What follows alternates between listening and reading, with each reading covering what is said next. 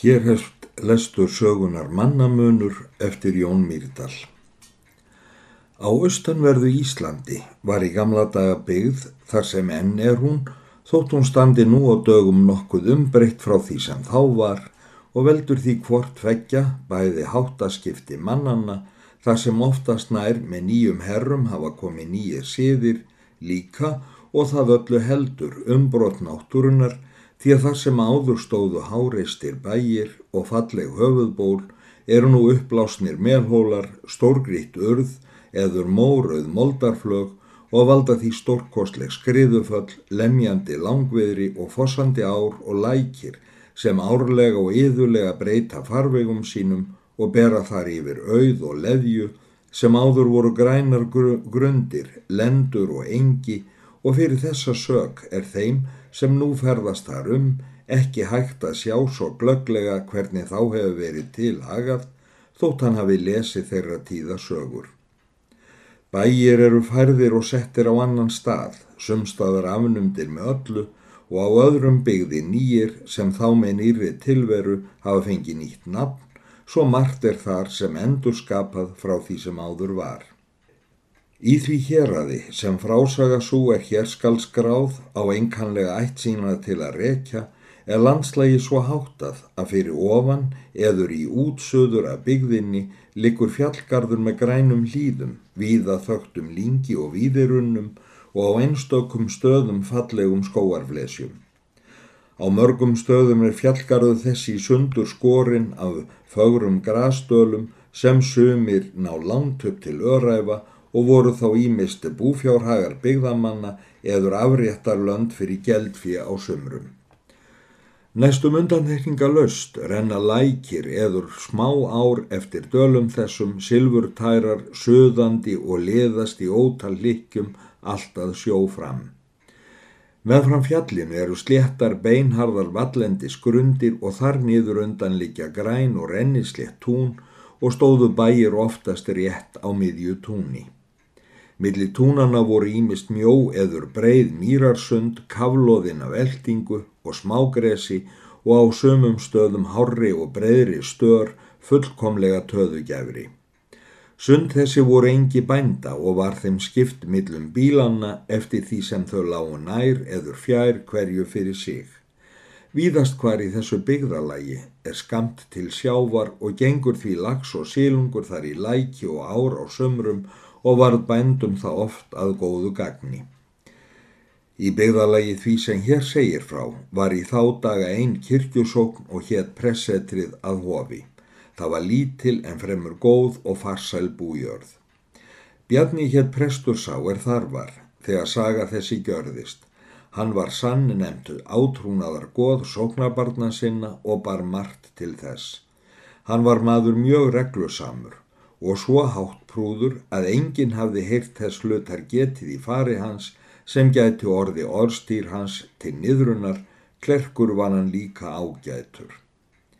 Bjarni prestur hafði verið kvæntur en ári eftir að hann kvongaðist, andaðist kona hans úr landfarsótt var það honum hinn mesti harmur því hann unni henni mikill. Honum varð söknuðurinn því sárari og tomlegri sem þeim hafði ekki orði barnaauðið svo hann var að því leiti sem einstæðingur. Sveitn hétt vinnumadur press, ungur maður, rösklegur og hinn duglegasti til allra starfa og var hann fyrir öðrum húskörlum þegar einar ráðsmaður var ekki við. Einar var um færtugsaldur þegar hér var komið sögu. Hann annaðist um bú prests og það með þeirri samisku semi og aðgætni að tapaðist svo mikið sem silgja af klifberagjörð mátti segja að hann snýri því upp sem niður var á hverjum hlut, svo var þann þá æfur yfir því og hvaða eignum press væri spilt. Það bar ekki svo sjaldan við að þótt sér að Bjarni hefði gefið einhverjum fátæklingi upp tekjur sínar að þegar einar var þess var, tók hann hest og reið til bonda og hætti þá ekki fyrir við en hann hafði náð einhverjum gjaldgengum aurum að upphæð sem skuldin var því hann viss upp á sína tíu fingur hvað hver búandi átt að gjalda presti.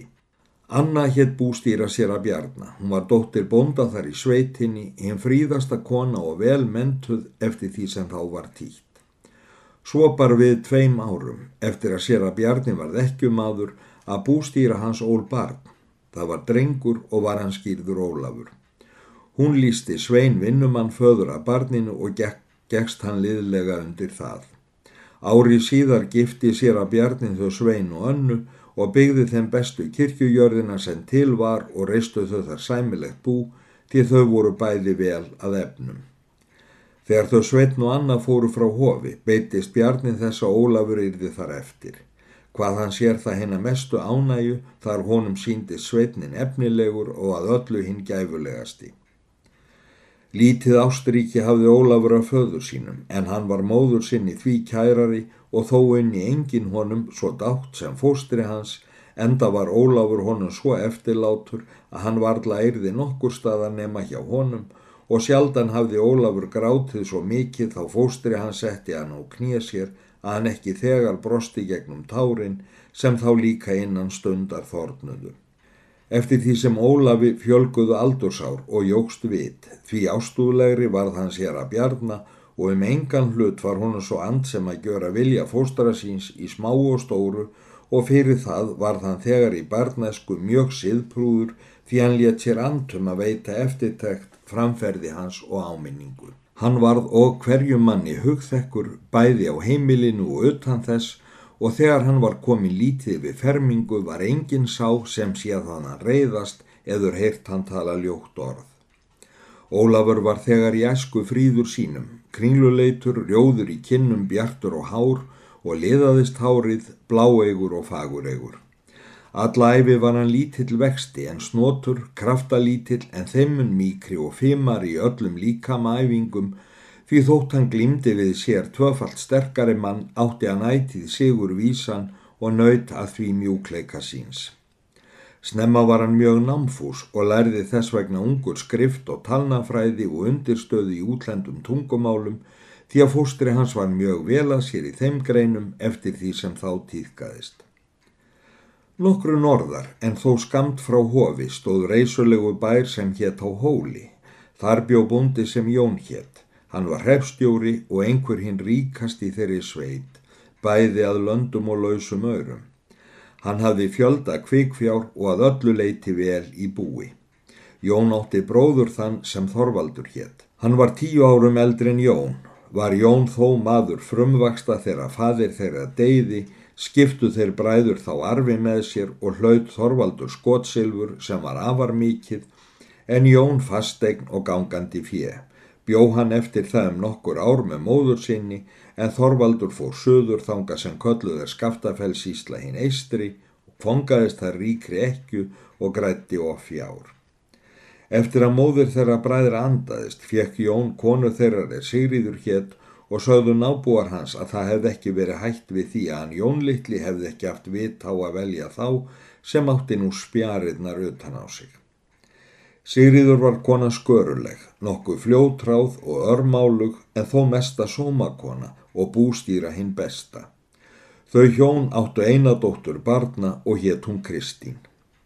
Hún var í æsku lík móður sinni í lunderni en þegar hún eldist fekk hún meir skaplindi föður síns en Jón var maður stiltur og fámálugur, þó gladlindur, hverstaslega, þéttur í lund og að öllu hinn staðfastasti. Svo er hátt að landslægi á hóli að túni liggur hátt og tekur við að norðan língholt eitt en að sunnan verðu með fram öllu túninu eða brekka lítil og þar fyrir neðan engi mikið og fagurt sem heyrir til báðum jörðum, hofi og hóli. Árennur eftir miðju engin og er veiði í. Vestur frá túninu liggja grundir þar til fjallið tekur við. Var það sameinlegt beitiland frá báðum jörðum að austanverðu en holdt hátt og graslítið og þá tekur sjórin við. Austan úr túninu og hóli liggur tangi langur og mjög graskefin. Þar hafði Jón á hóli byggt hjálegu sem ímist var kölluð hali eður rófa. Þar bjós á maður er árni hétt, hann var kallaður vera auðlamenni, setn og sílalegur en mesti hæglætis og meinleisis maður. Hann átti konu þá sem Þorbjörg hétt.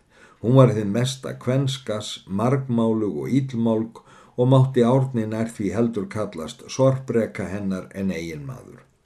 Hún dreif hann fram með otti og egg til óhreinlegustu skarnverka en let hann hafa það lakasta af öllum mat og kom það þó ekki til að skorti því þau hjón voru í góðum efnum.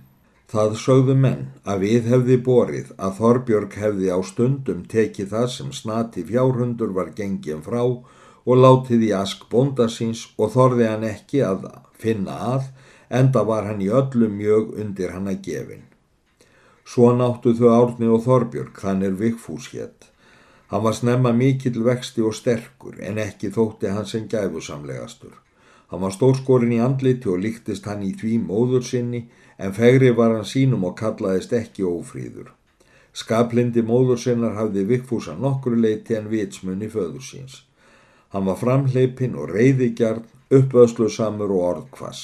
Hauðist hann jafnan skildi koma fram vilja sínum með trölldómi og afli ef ekki gekk öðru vísi. Flestum sem við hann kynntust og það þegar í æsku varð hann kvumleiður og margir voru þeir sem spáðu honum hragsbám og hvaðu hann myndu verða hinn mesta ólánsmann. Þau Ólafur og Hofi og Kristín og Hóli voru mjög jafnaldra en Vigfús og Hala lítið eldri. Lítill var samgangur þeirra barnana þar til þau komust nokkuð á legg. Það var snemma auðséð að Kristín og Hóli myndi verða hinn fríðasta og kurteisasta kona, vöxturinn var afbraksnettur og andlitið fagurt og gáfulegt. Þegar að Vigfús og Hala fór nokkuð að vitkast, tók hann fljótt eftir því að Ólafur fekk lofa af allra munni en sjálfum sér heyrði hann kvarvetna hallmælt og bætti það lítið skasmunni hans. Hann öfuð, öfundaðist yfir Ólafi og vildi helst gjóra honum allt það ílt er hann mátti. Þegar Ólafur var átt að vetra var það um vorið að hann var látt hins sítja við kúm. Þeim var beitt á engi það sem áður var frásagt og sem liggur söður frá túninu á hóli. Ólafur hafði það sér til skemtunar að hann hafði dorg sína og veitti í áni. Var þá sílungu lítið gengin í vötn og varð honum því ekki fengsamt og hlaut því ofta að fara heim öngulsár og var hann þá með döfara bræði því hann sagði að sér þætti svo vendum að geta fært fóstra sínum á diskinans. Einn dag sem oftar satt Ólafur yfir baulum sínum og voru nú aflabröð hans með bestamóti. Um middegi var hann búin að fá þrjá sílunga allvæna og hafði hann séð þeim fjórða og þann langstæstan. Hann beitti því nákvæmlega öngulsinn og rendi honum síðan mjög áhyggjufullur í ána.